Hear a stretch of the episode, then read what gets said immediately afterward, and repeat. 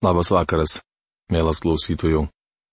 Šiandien toliau keliausime Biblijos puslapiais, Senojo testamento puslapiais nagrinėdami Izaijo knygą.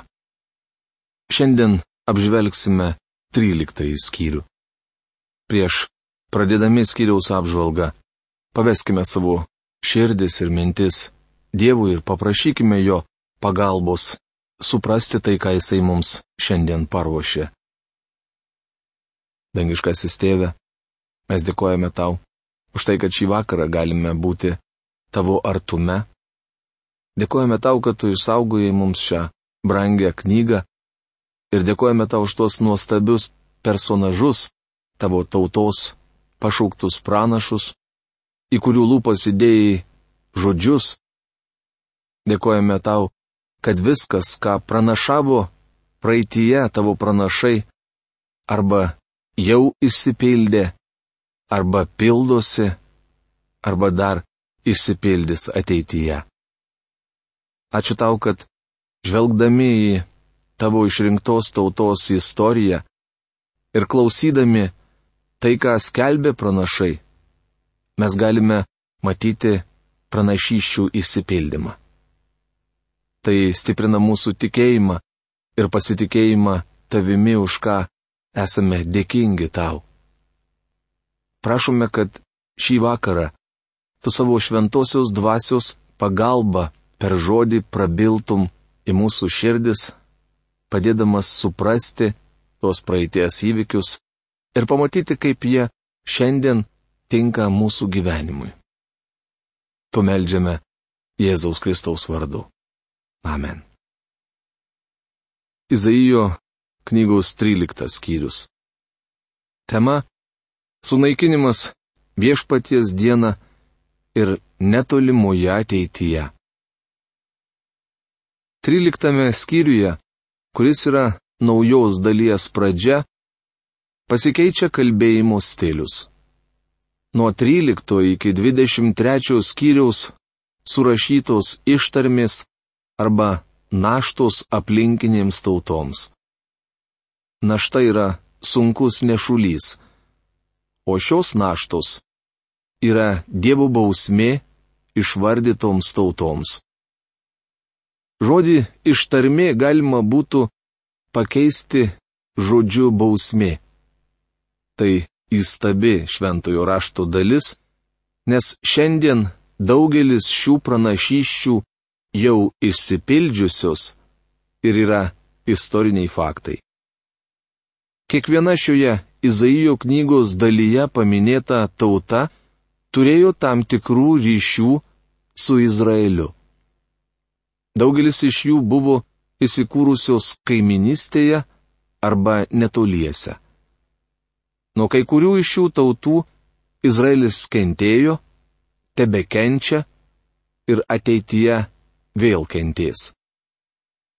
13 skyriuje paminėta keletas gerai žinomų vietovardžių. Vienas iš jų yra Egiptas.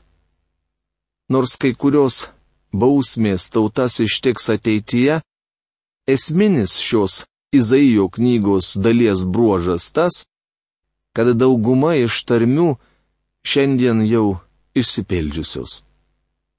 Tai yra šventojo rašto neklystamumo įrodymas. Dėl šios priežasties 11 skyrių, kuriuos dabar skaitysime, tokie įdomus ir svarbus. Čia rašoma, kad pagrindinis Izraelio priešas jau nebe Sirija. Jos vietą užėmė Babilonas ir kitos tautos. Pranašui Izaijui nebuvo malonu skelbti tokią žinę. Tai nepadėjo jam susirasti daugiau draugų ar tapti įtakingu. Tačiau Dievo pranašai nesivaikė populiarumo. Šiame skyriuje visų pirma skelbiama ištarmė apie Babiloną. Ji bus labai informatyvi ir reikšminga tiems, kurie pagarbiai studijuoja šventą įraštą. Čia apie Babilono miestą kalbama tiesioginė prasme. Įdomiausia, kad Izaijo dienomis tai buvo nežymi vietovė. Tik po šimto metų Babilonas tapo galinga pasaulio karalystė. Dievas paskelbė bausmę Babilonui dar prieš jo suklestėjimą ir įsigalėjimą. Ši Izaijo knygos dalis nesibaigia devinių naštų, kurios skirtos aplinkinėms tautoms išvardyjimu. Nuo 28 iki 33 skyriaus aprašyti šeši vargai, o šios dalies pabaiga yra 34 ir 35 skyriai. Juose kalbama apie ramybę ir palaiminimus po audros, tai yra vėl rašoma apie tūkstantmetę karalystę. Kaip jau minėjome, 13 skyriuje Izaijas skelbia, kokia bausmė viešpaties dieną ištiks Babiloną. Mano įsitikinimu šios ištarmė žodžiai galutinai išsipildys didžiojo suspaudimo laikotarpiu. Bausmė Babilonui viešpaties dieną. Ištarmė apie Babiloną. Amoco sunaus Izaijo regėjimas. Izaijo knygos 13 skyriaus 1 eilutė. Šiame ir 14 skyriuose apie istorinį Babilono miestą kalbama tiesioginė prasme. Kaip žinome, jis tapo vienu iš didžiųjų senovės pasaulio miestų. Iš tikrųjų, Babilonas buvo pirmoji galinga pasaulio valstybė. Tai pasakyta ir Danieliaus pranašystėje. Nebukadnecaras tapo pirmos didelės pasaulio valstybės karaliumi, jis buvo Babilono aukso galva. Ateityje Babilonas bus atstatytas. Šis miestas simbolizuoja maištą prieš Dievą. Tas maištas prasidėjo Babilio bokšto statyba, o apie jo pabaigą rašoma apreiškimo knygos 17 bei 18 skyriuose. Apreiškimo knygoje Babilonas apibūdinamas kaip religinės ir politinės pasaulio valdžios centras. Izaijo knygoje rašoma, kad didžiojo suspaudimo metu Babiloną ištiks baisus Dievo teismas. Tai pirmas kartas, kai šventajame rašte prabylama apie šį siaubingą įvykį. Savo pašventintiems kariams daviau įsakymą, savo šauniuosius gynėjus galiūnus pašaukiau, kad įgyvendintų mano įniršį. Izaijo knygos 13 skyriaus 3 eilutė. Šioje eilutėje žodis pašventintiems reiškia atskirtiems tam tikram tarpininkavimo veiksmui. Dievas sako, savo šauniuosius gynėjus galiūnus pašaukiau, kad įgyvendintų mano įniršį. Dievas pašventino arba pakėlė Babiloną konkrečiam tikslui. Ta patys padarė su Asirija. Izaijo knygos dešimtos skyriaus penktoje eilutėje Dievas per pranašą Izaiją sakė. Vargas Asirijai, mano pykčio spragilui, mano įniršio lasdai. Bausdamas savo tautą, Dievas panaudojo Asirus, o tuomet nubaudė juos pačius. Ta patį jis padarys ir su Babilonu. Pašventinta gali būti bet kas, jei tai atskirta Dievui. Asirija ir Babilonas buvo išrinkti nubausti Izraelį. Dievas panaudojo šias tautas kaip instrumentą, kuriuo įgyvendino savo tikslus. Įsiklausykite, dundesys kalnuose, tarsi plauktų minio žmonių. Įsiklausykite, užėsys karalysčių, renkasi tautos Galybių viešpats reikiuoja pulkus karui. Izaijo knygos 13 skyriaus 4 eilutė. Šioje eilutėje paaiškinama, ką reiškia žodis pašventintieji. Kaip Asirija buvo atžygiavusi prieš dešimt šiaurinių Izraelio giminių, taip Babilonas atžygiuos prieš pietinę Judo karalystę ir paims ją į nelaisvę. Jie atžygioja iš tolimo krašto, iš anapus akiračio, viešpats ir jo pykčio įrankiai nuniokoti visai žemiai. Izaijo knygos 13 skyriaus 5 eilutė.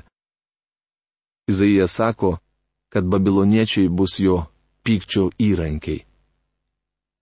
Vaitokite, nes viešpaties diena jau arti, jie ateis kaip sunaikinimas iš visagalio.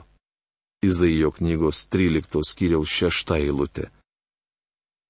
Ši pranašystė peršoka per visus istoriją tapusius laikus ir perkeliamus į didžiojo suspaudimo laikotarpį. Todėl visų rankos vyra, kiekvieno širdis tirpsta iš siaubo, skausmai ir kančios juos apims, jie raitysis kaip gimdyvės apstulbę žvelgs vienas į kitą ir jų veidai degs iš gėdos. Tikrai ateina viešpaties diena, pilna įniršio ir degančio pykčio. Ji pavers kraštą tyrlaukiais, sunaikins jame nusidėjėlius. Izaijo knygos 13 skyriaus 7-9 eilutės. Didžiojo suspaudimo metu Dievas vėl panaudos galingą valstybę, čia vadinamą Babilonu, kad nubaustų Izraelio tautą. Suspaudimo laikotarpis bus kupinas kančių ir skausmų. Viešpaties diena prasidės kančiomis. Kitoje eilutėje akivaizdžiai pasakyta, jog čia kalbama apie didįjį suspaudimą. Dangaus žvaigždės ir žvaigždynai nebeduoda šviesos, teka užtemusi saulė, nebešvyti mėnulis. Izaijo knygos 13 skyriaus 10 eilutė.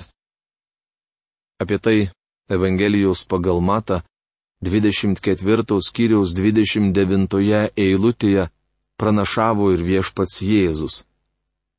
Netrukus po tų nelaimių dienų saulė užtems, mėnulis nebeduos šviesos, o žvaigždės kris iš dangaus ir dangaus galybės bus sukristos.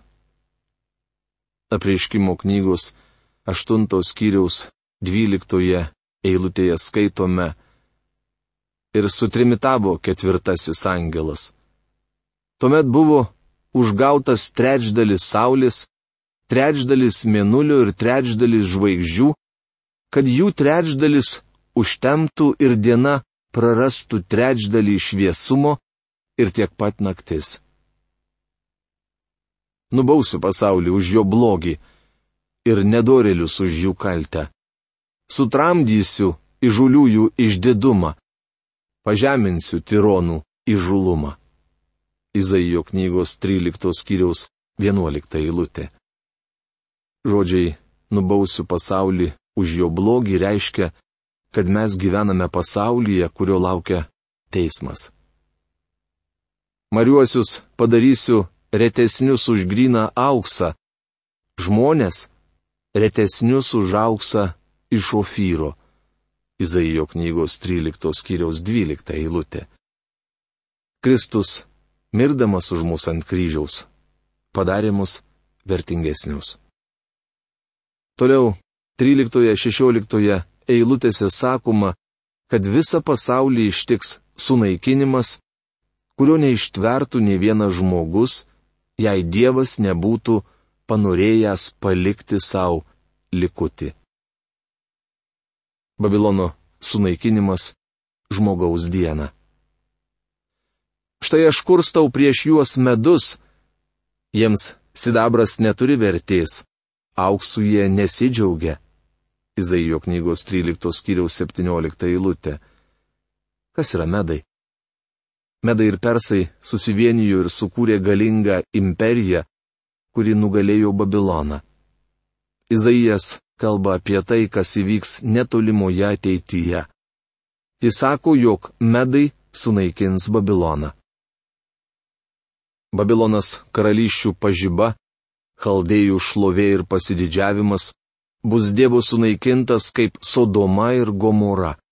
Izaijo knygos 13 skyriaus 19 eilutė.